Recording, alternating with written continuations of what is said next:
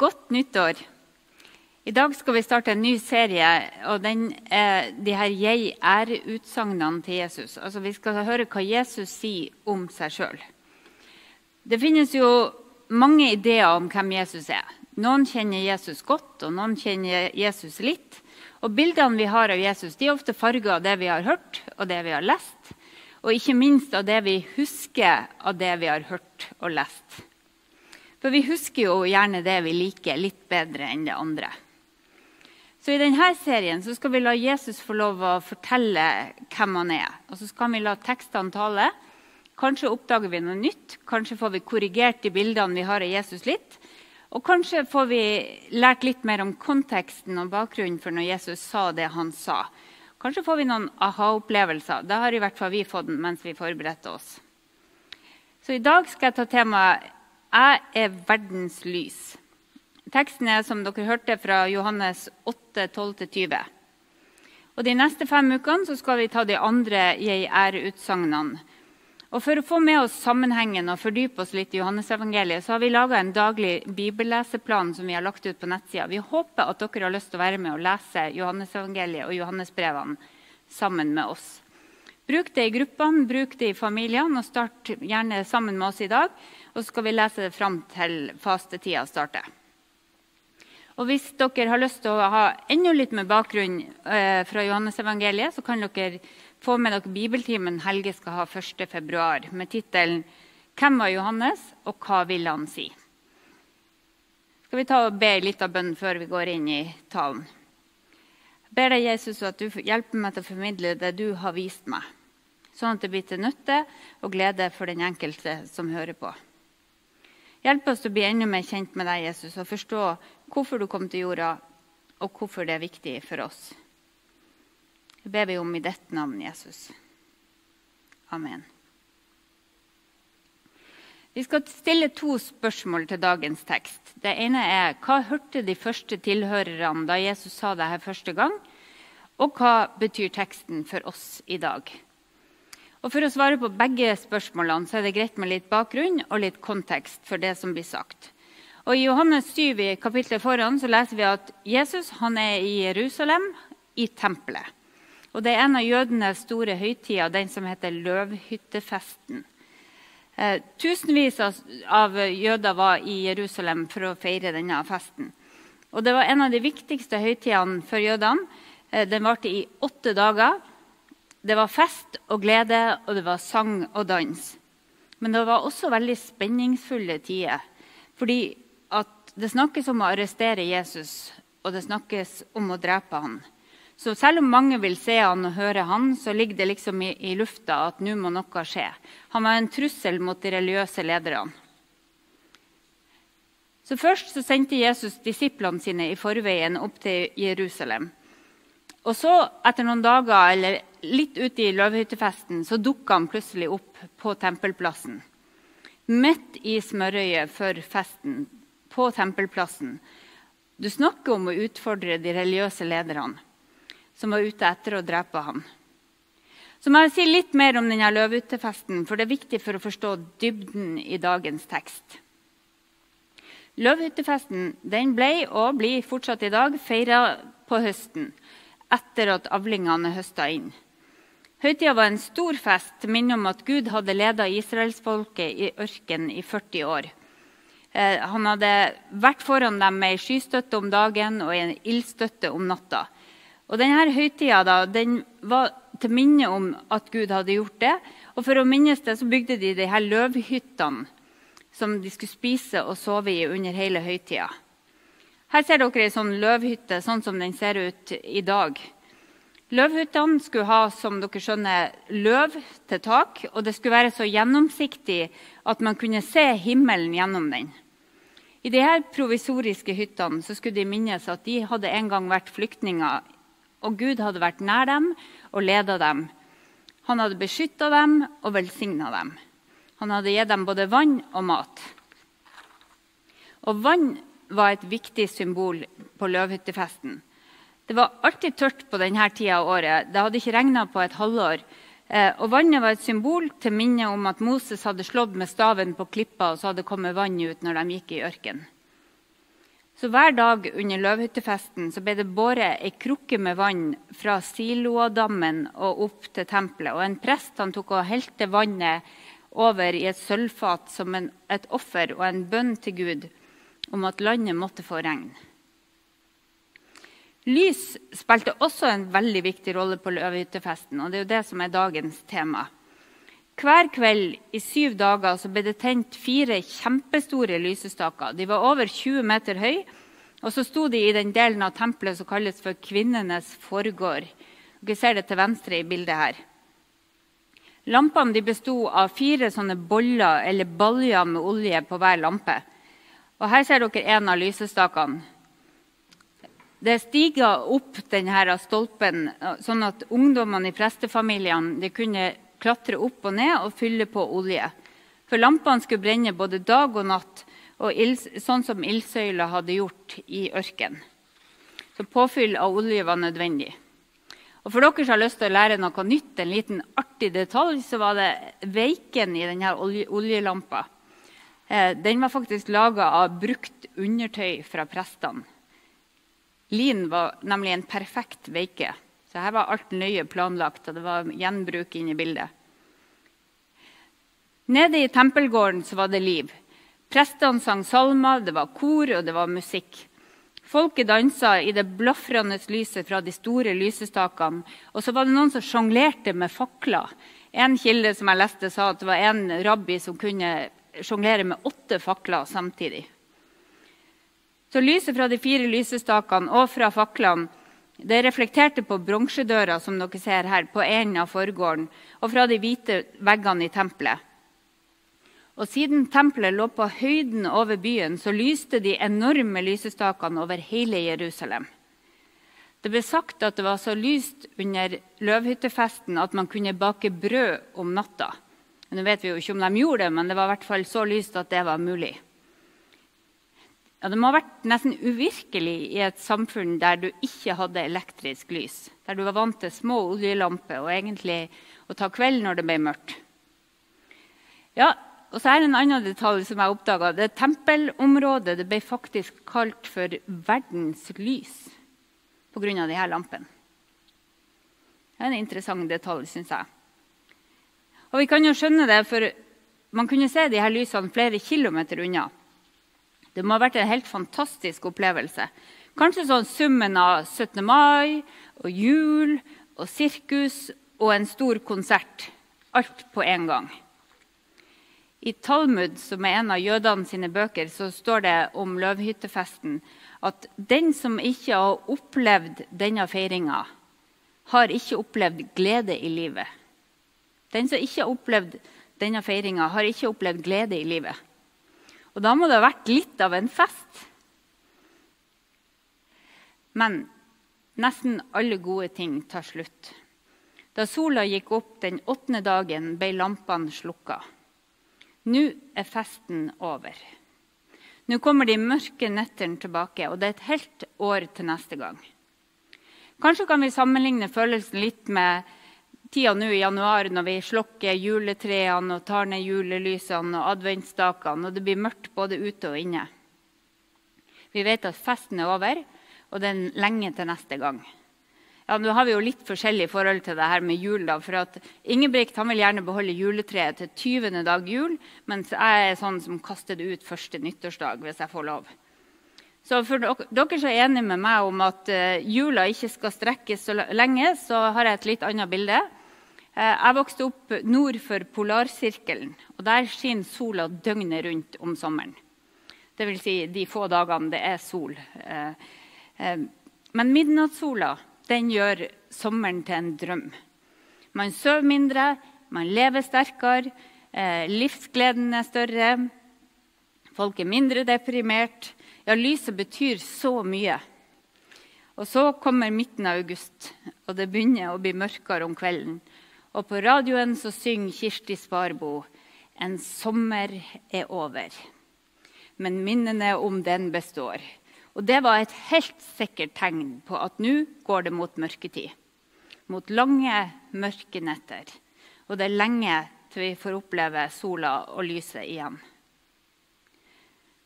Jeg tror jeg vet litt om hvordan det føltes den dagen etter at lampene var slukka. En sommer er over, mørket kommer. Så når lampene slukkes, så er det vemodig. Men folket hadde likevel et håp. Et håp om noe annet. De som kunne tekstene fra Zakaria og Jesaja, som de hadde skrevet 700 år før, eh, bl.a. om noe som skulle skje på løvhyttefesten, de hadde et håp om at en dag skulle mørket vike. Lampene som hadde lyst på tempelplassen, skulle jo minne om ildstøtta i ørkenen, men det pekte også fram mot det lyset som skulle komme. Det store lyset som skulle komme til verden. Jesaja hadde skrevet det sånn.: Det folket som vandrer i mørket, ser et stort lys. Over dem som bor i dødsskyggens land, stråler lyset fram. Det folket som vandrer i mørket, ser et stort lys. Over dem som bor i dødsskyggens land, stråler lyset fram.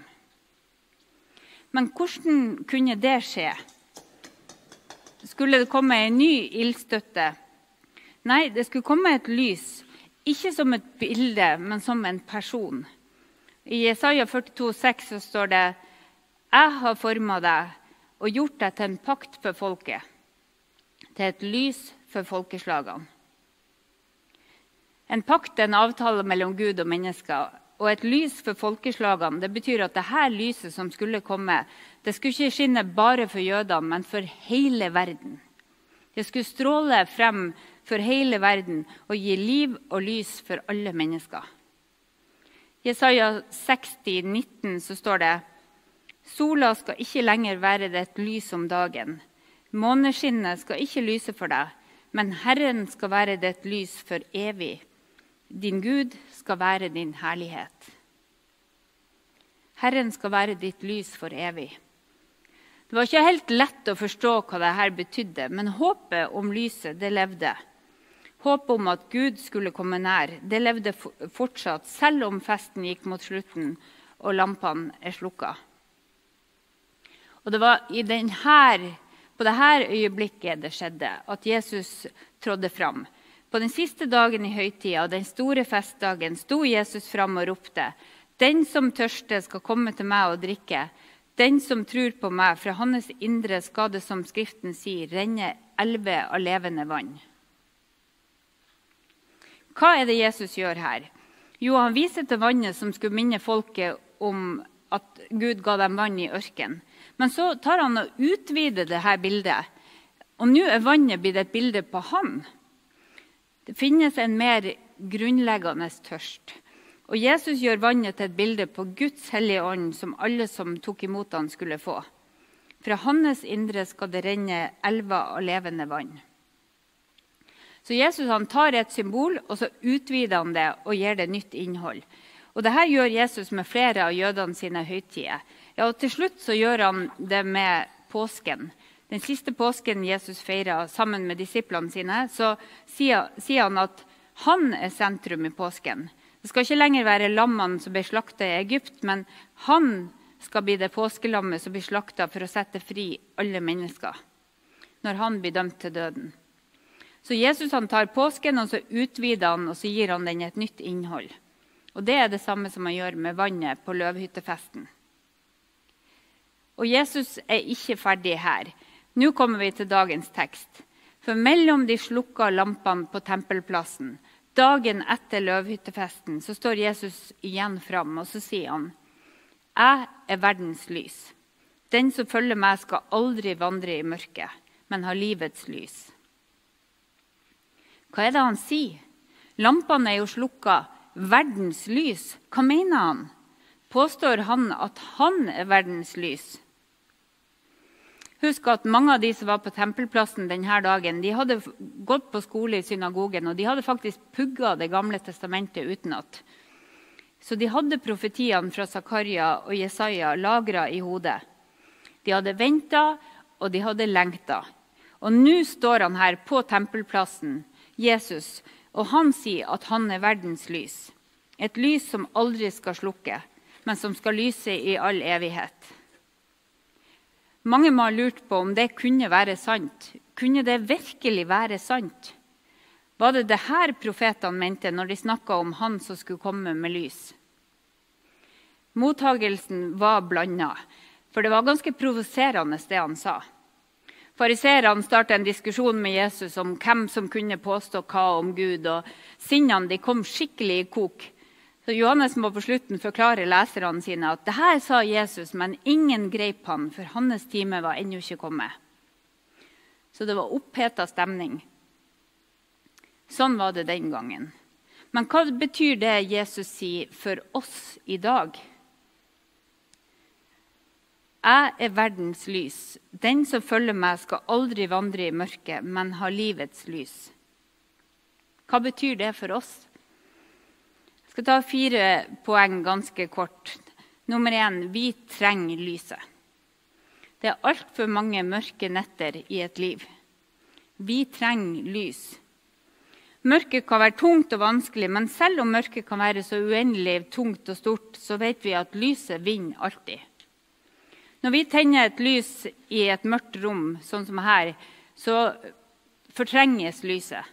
Og Hvis du går på trappa di en, en uh, mørk kveld og uh, hvis du åpner døra fra gangen din og ut på trappa, så kommer ikke mørket inn, men lyset kommer ut. Lyset er alltid sterkere enn mørket. Jeg er verdens lys. Den som følger meg, skal aldri vandre i mørket, men ha livets lys. Som lys kom han. Det betyr at vi skal ikke bli værende i mørket alene. Vi skal ikke det.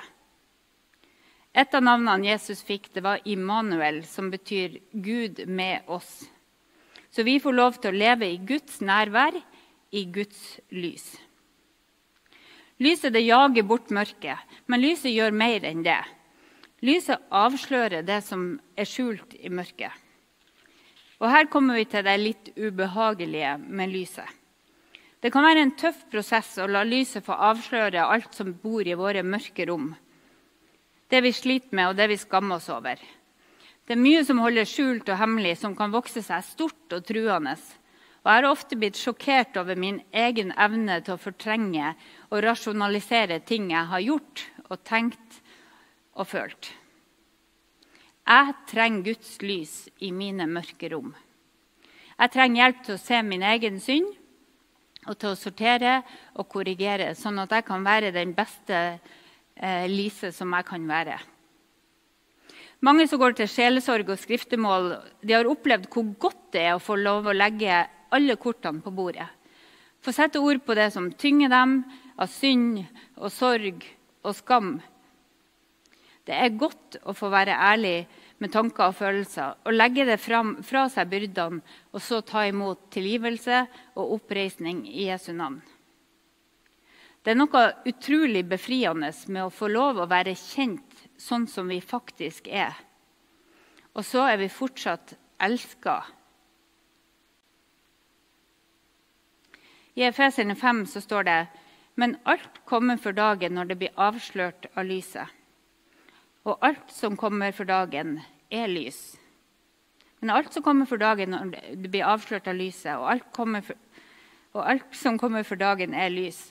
Og så står det Våkn opp, du som sover. Stå opp fra de døde, og Kristus skal lyse for deg. Våkn opp. Her har du et liv. Sånn er lyset. Det avslører sannheten. Nattens bekymringer og nattens handlinger skal ikke lenger ha makta over oss. Jesus sa, 'Jeg er verdens lys'. Den som følger meg, skal ikke vandre i mørket, men ha livets lys. Så vi skal få lov å ha livets lys. Og punkt tre lyset frelser. Da jeg starta med å forberede denne talen på lille nyttårsaften, så gikk det et enormt jordras i Gjerdrum. Et titalls mennesker mista livet. Mange flere mista alt de eide, og 1000 mennesker måtte evakuere. Vi fikk lov å se fantastiske redningsaksjoner på TV gjort av modige mennesker som var villige til å heises ned i den mørke rasgropa for å hente ut folk. Det var nesten stupmørkt, men de her lysene fra helikoptrene og modige mennesker de redda liv før noen av oss andre rakk å våkne den morgenen. Takk og pris for sånne redningsmenn som er villige til å risikere livet sitt for å redde folk. Foreldrene mine bor bare 300 meter fra rasgropa, så denne katastrofen den kom veldig nært på oss. Livet er så skjørt. Det er så lite som skiller oss mellom livet og døden, livet og katastrofen. Men dette raset er jo bare ett av mange eksempel på katastrofer som rammer. På sånne ras som kan være både inni oss og utafor oss. Du kjenner det sikkert fra livet ditt. Sorgen, savnet, lengselen, sykdommen, depresjonen. Mange av oss kjenner på hvordan det er å leve i mørket, å leve i dødsskyggens land, som Jesaja kaller det. Og så er det midt i alt det her at Jesus kommer med lys. For Det står i Johannes 1,5.: Lyset skinner i mørket, og mørket har ikke overvunnet det. Håpet som Jesus kommer med når han står fram på løvhyttefesten denne dagen, er at en dag skal mørket vike. En dag skal lyset vinne. Som Jesaja sier det, de sol skal ikke lenger gå ned, din måne skal aldri avta, for Herren skal være ditt lys for evig. Sørgedagene dine er til ende.